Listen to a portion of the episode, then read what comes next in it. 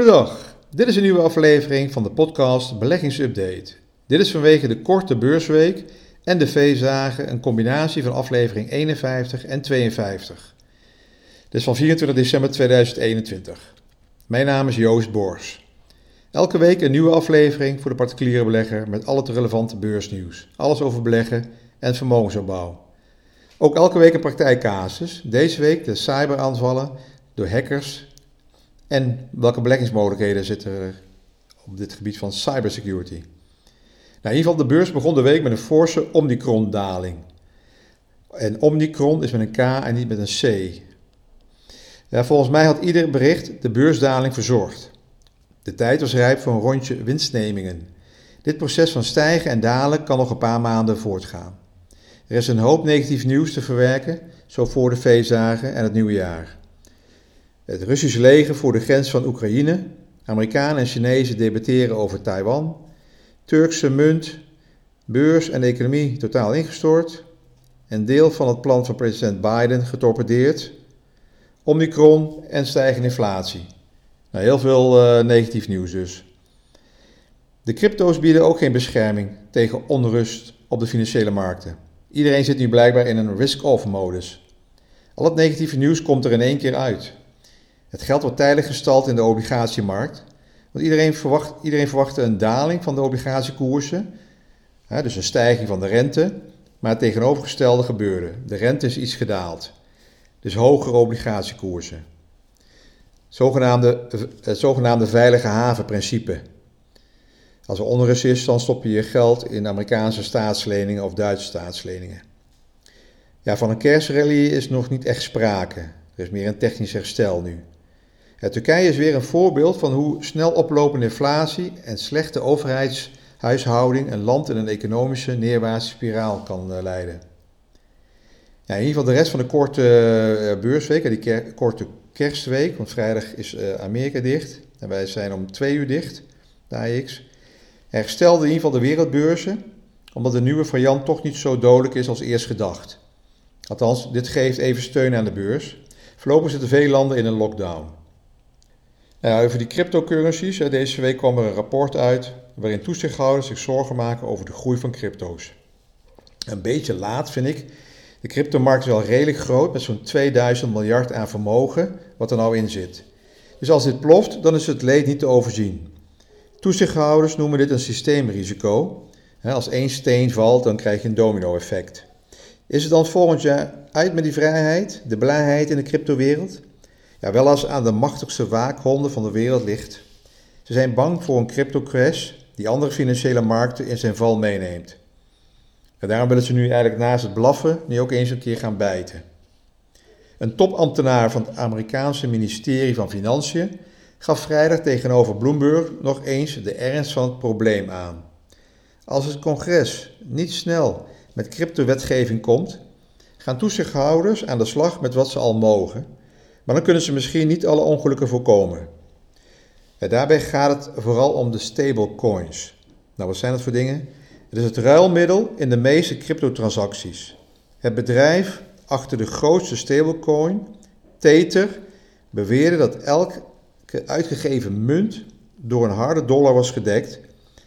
Ja, maar bleek zijn onderpand stiekem in Chinees schuldpapier en andere cryptobedrijven te stoppen.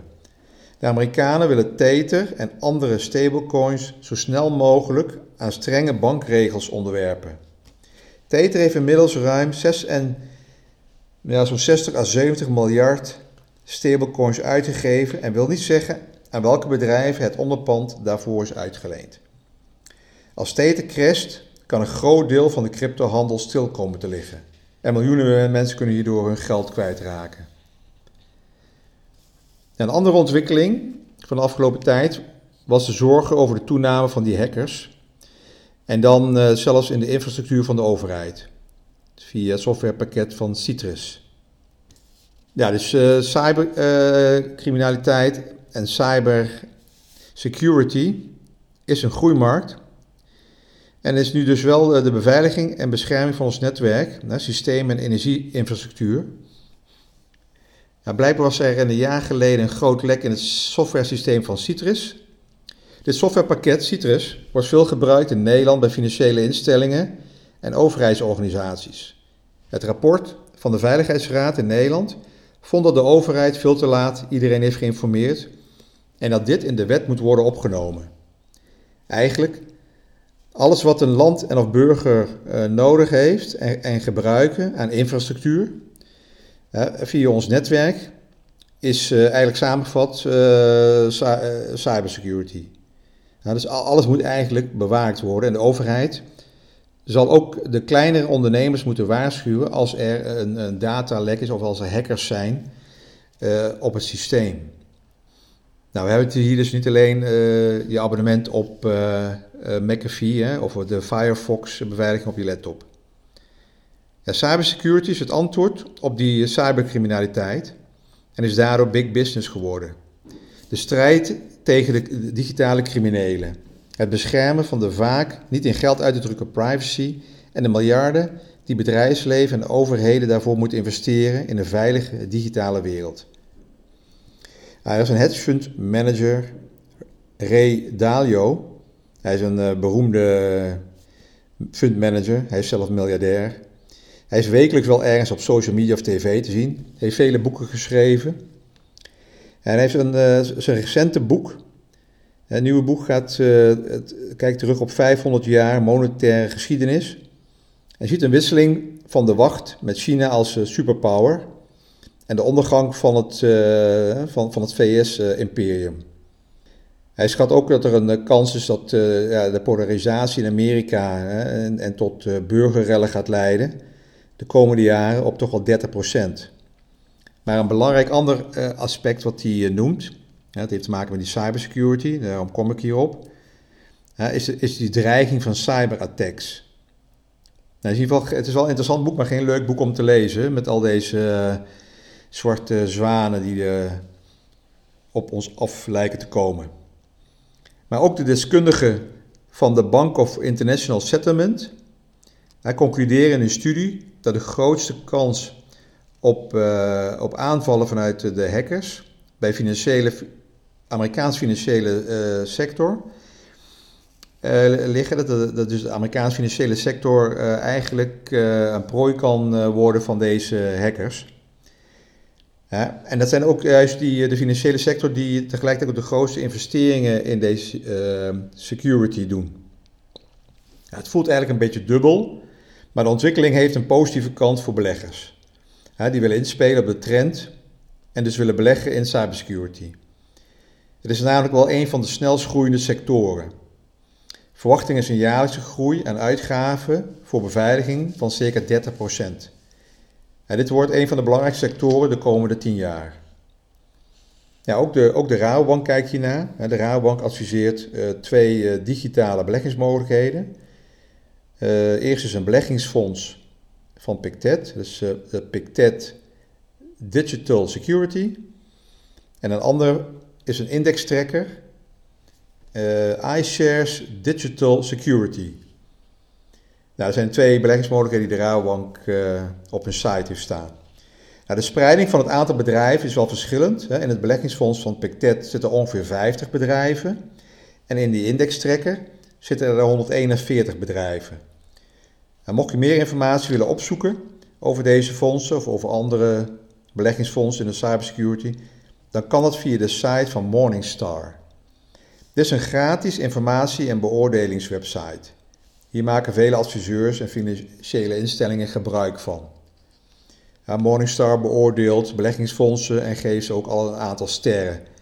de, uh, vijf sterren, dan heb je de hoogste rating, dan heb je het gewoon goed gedaan de afgelopen jaren.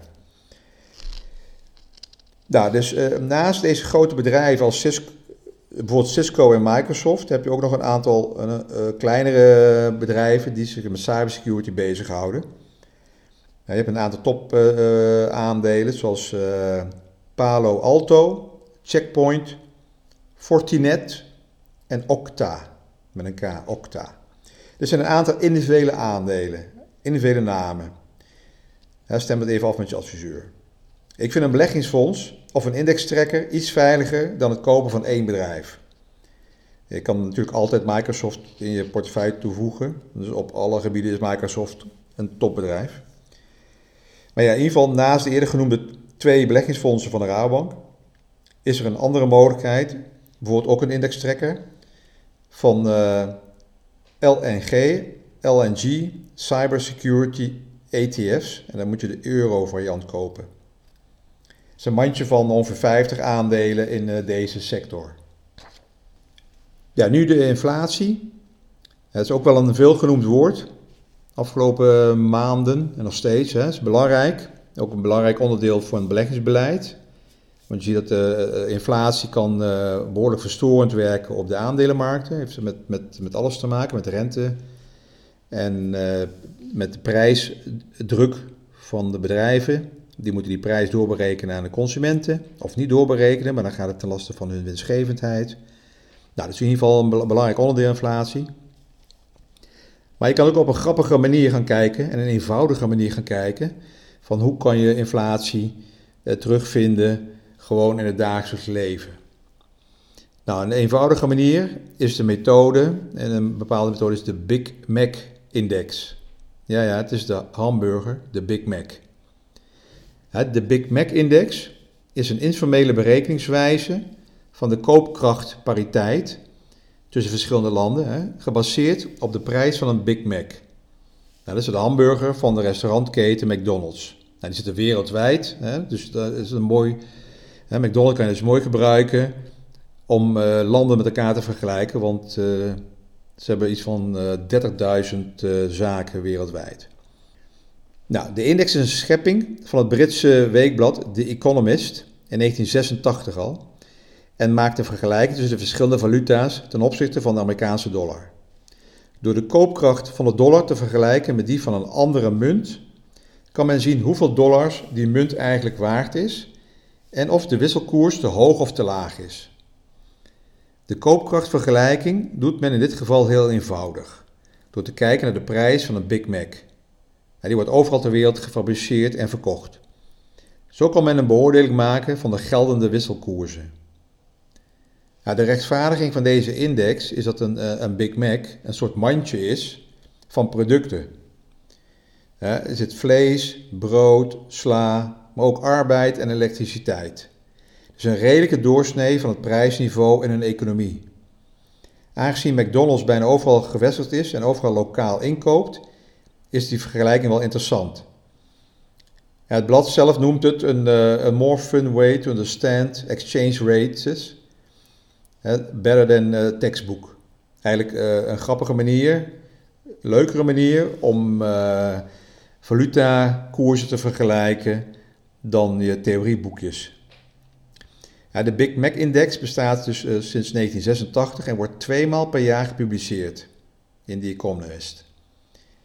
In eh, januari 2004 heeft The Economist nog iets toegevoegd hè, ter vergelijking van van de inflatie en de koopkracht vergelijking tussen landen. En dat hebben ze gedaan met de, ja niet de cappuccino, maar de, de, de latte, de, tal, de tol latte index berekend.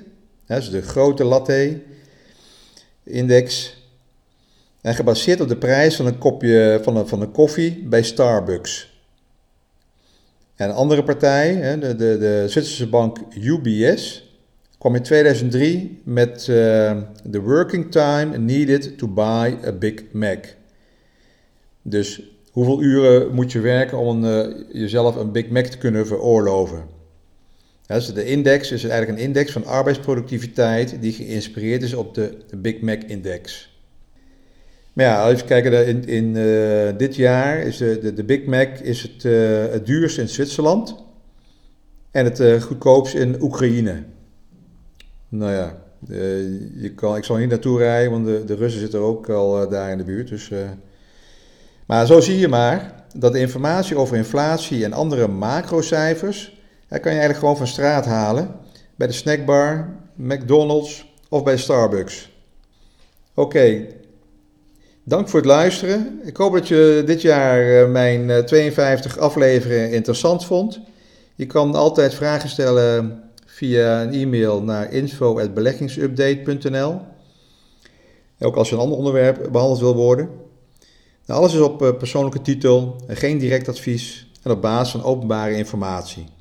Ja, prettige feestdagen en tot volgend jaar.